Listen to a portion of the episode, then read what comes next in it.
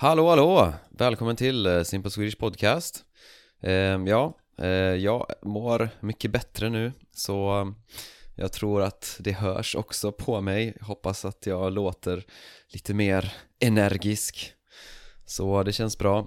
Och ehm, men på grund av att jag var sjuk så länge så ehm, för några dagar sedan så bestämde jag mig för att lära mig mer om immunförsvaret och eh, specifikt hur man stärker immunförsvaret att stärka något, alltså att göra det starkare eh, och eh, jag älskar Dr. Huberman ehm, eh, och därför så letade jag efter avsnitt av hans podd eh, som handlar om immunförsvaret. Och jag lyssnade på ett avsnitt om immunförsvaret och hur man förbättrar det och stärker det. Och eh, jag tog anteckningar. Och jag tänkte att det är ju ett perfekt ämne att eh, göra ett poddavsnitt om. För att det är dels väldigt intressant och dels väldigt användbart. För vem vill inte stärka sitt immunförsvar? Eh, jag tror att alla vill stärka sin, sitt immunförsvar. Så, eh, jag ska prata om vad han eh, pratar om i det poddavsnittet.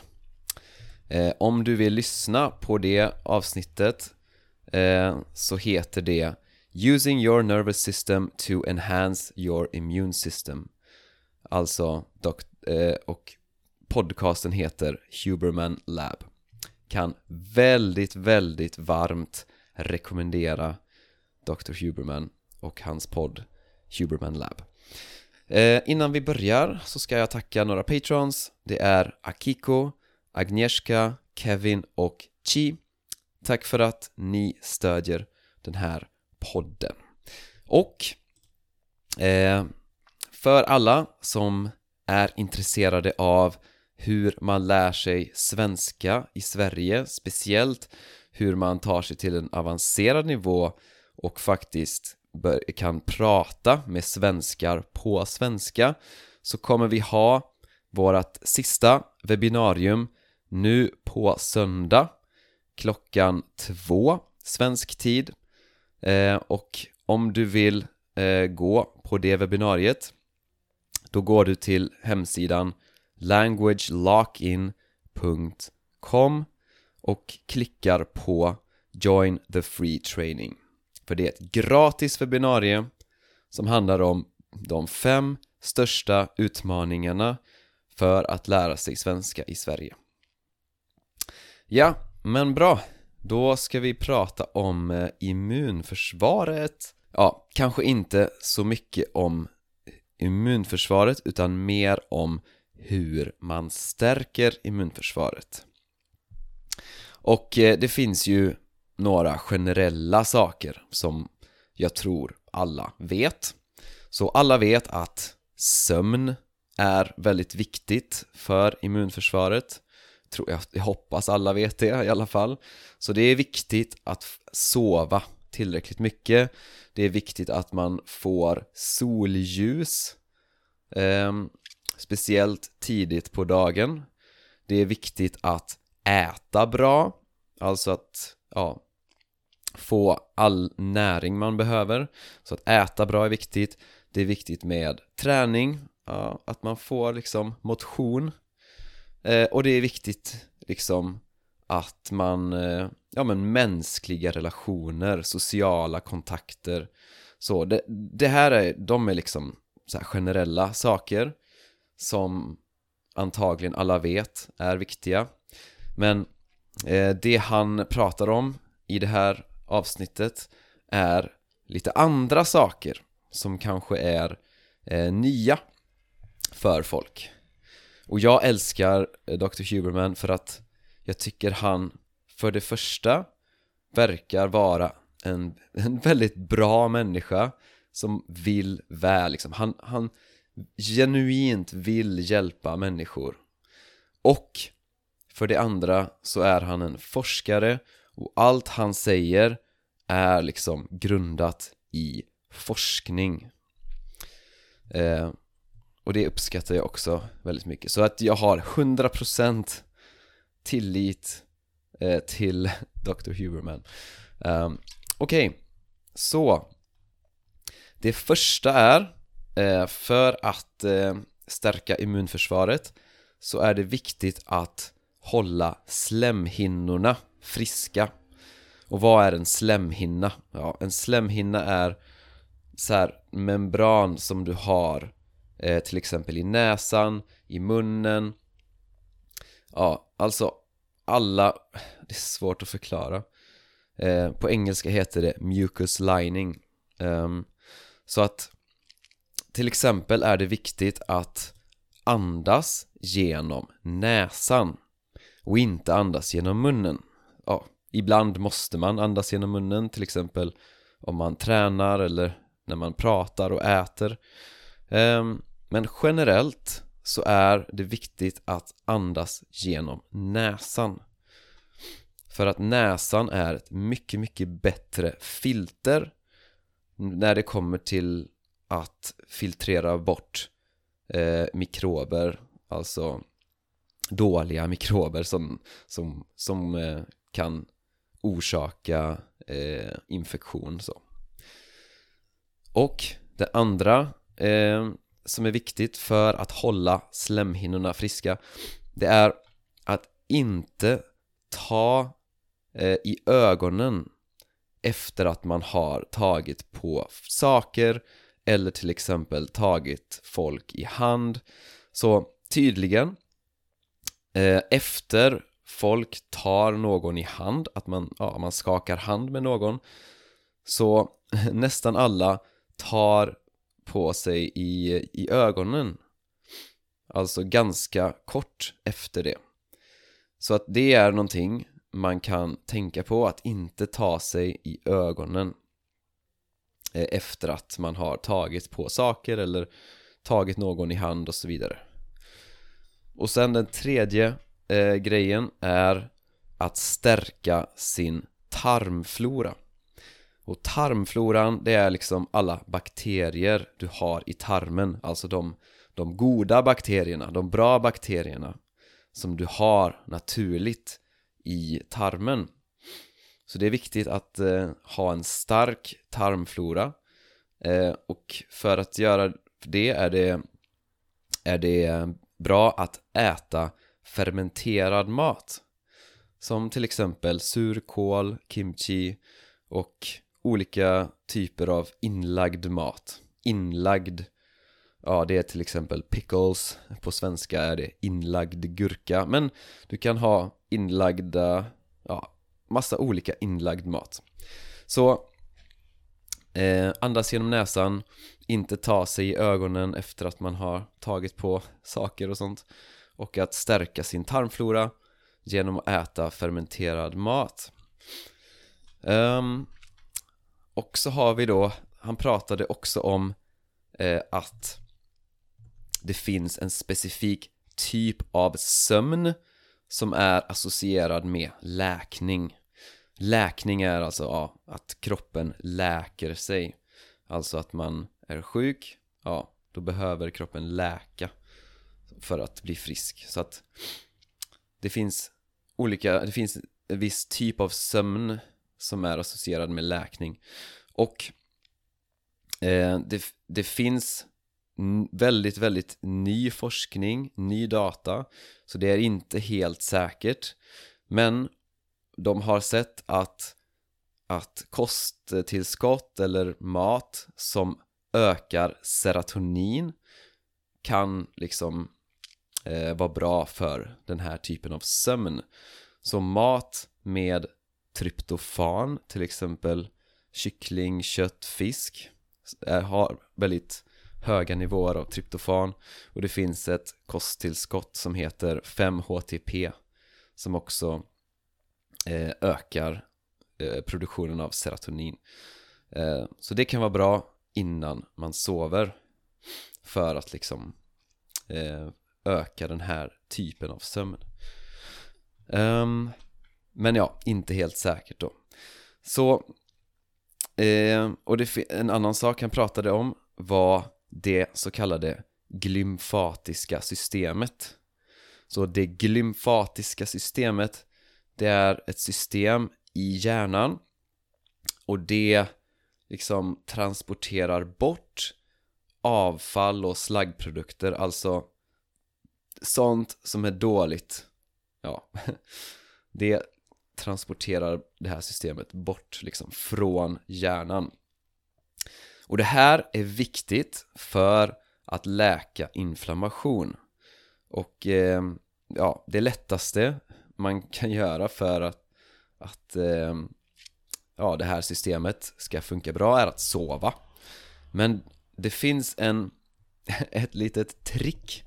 Och det är att man lägger någonting under fötterna så att man höjer upp fötterna. Och tydligen så gör det att cirkulationen i det glymfatiska systemet ökar. Ehm, så det var, det är lite intressant. Så att man kan, om man kan höja upp fötterna när man till exempel sover Ja, då kan det öka cirkulationen i det här systemet. Um, Han nämnde också att uh, en het dusch eller, eller bastu Det kan vara uh, väldigt bra men man ska vara försiktig om man har feber. Och han sa också att det här med att gå in och ut ifrån värme Så till exempel om man, om man tar en het dusch och sen en kall dusch Eller om man sitter i en bastu och sen tar och sen går ut i kylan. Ja, det här in och ut från värme Kyla, värme, kyla Det här stimulerar produktionen av vita blodkroppar och kan minska kortisol. Så, och det är tydligen bra. Vet inte. Men Någonting som jag tyckte var väldigt intressant eh, Det är Det, det är så kallade Wim Hof-andningen. Så jag tror att många har hört talas om Wim Hof. Eh, Och eh, hans speciella andning. Och eh, tydligen så finns det forskning, det finns liksom eh, solid forskning som bevisar att det här faktiskt fungerar. För den här typen av andning det aktiverar det sympatiska nervsystemet. Och det sympatiska nervsystemet det är det som är associerat med stress. Och det ökar adrenalin och det därmed minskar det inflammation så det ökar adrenalin för att det aktiverar det sympatiska nervsystemet och det minskar inflammation Väldigt intressant Så hur gör man då den här ja, Wim Hof-andningen? Ja, det finns andra andra namn för det här men jag tycker det är kul att säga Wim Hof-andning så Så hur gör man det? Jo, så det är man andas in och andas ut 20 till 30 gånger.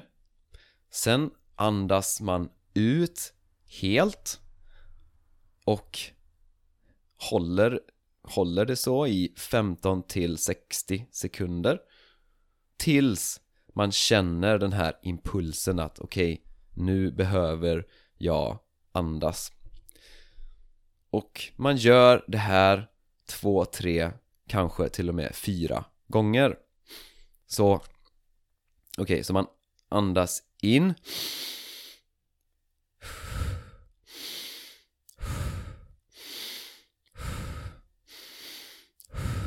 Andas in och ut 30 gånger och sen andas man ut helt. Ja, i 15 till 60 sekunder. Och sen ja, börjar man andas in. Andas in och ut 30 gånger till. Andas ut helt i 15 till, ja, du förstår. Så man gör det, ja, i 2, 3, 4 gånger. Och då går syrenivåerna i blodet ner och pH går upp i kroppen. Och det här aktiverar då tydligen det sympatiska nervsystemet ökar adrenalin och minskar inflammation Superintressant! Och sen pratar han också om hur mindset kan påverka immunförsvaret Så det finns forskning som visar att det finns liksom länkar mellan områden i hjärnan som är liksom länkar mellan de mellan tänkande områden, alltså områden som har med tankar att göra och andra områden som har med mer grundläggande funktioner att göra. Eh, Så det, och det här, de har visat till exempel att om man blir utsatt för psykologisk stress så kan det aktivera de här länkarna eller de här nervbanorna och det kan leda till liksom feber och sjukdom och sånt. Så att de har liksom bevisat att att man kan från tankar liksom och kan man bli få psykologisk stress och från det kan man bli sjuk. Så att men, men det betyder också att motsatsen också är sant. Så att de har, hade till exempel eh, gjort studier på cancerpatienter och de hade sett att om en cancerpatient hade hopp då hade, den, då hade man mycket högre chans att eh, återhämta sig, att bli frisk.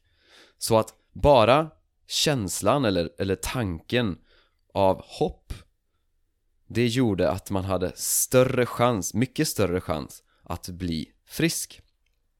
Och vad är hopp? Jo, hopp är en tanke om framtiden. Och det här är associerat med dopamin. Och dopaminsystemet kan accelerera läkning. Eh, och generellt så har vi en grupp eh, av ämnen som heter katekolaminer och det är adrenalin, noradrenalin och dopamin. Och de här är liksom associerade med läkning och att minska inflammation. Så om man börjar känna sig sjuk då är det viktigt att man liksom får igång de här katekolaminerna alltså adrenalin och dopamin till exempel. Ehm, ja, och Eh, en, nästa sak han pratade om Det var spirulina faktiskt. Och spirulina, för det kan tydligen minska snuva. Och snuva är liksom när, när du har liksom näsan är täppt Alltså, du har snor i näsan. Det är alltså det här eh, som du har i näsan.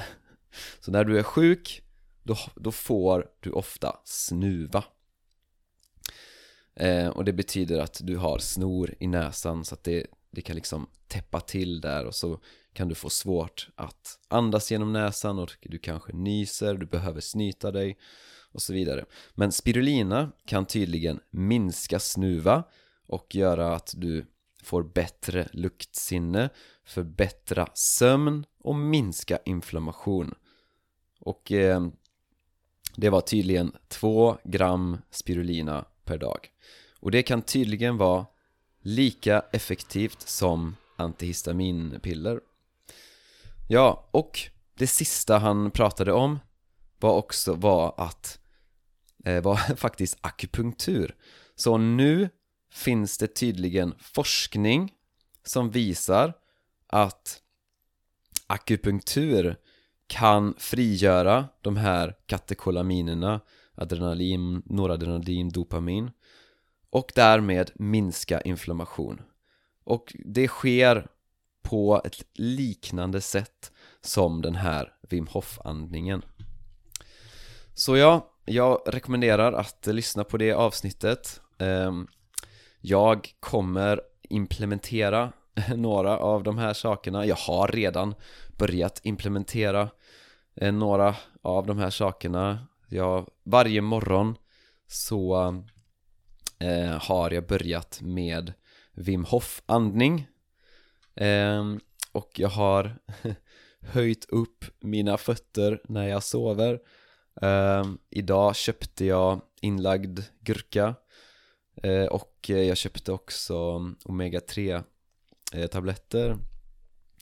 Och eh, ja och jag tänker att jag ska beställa spirulina också så Ja Eh, det var det som jag skulle säga idag. Eh, intressant ämne det här med immunförsvaret. Eh, ja, men vi hörs eh, nästa gång. Ha det så gött.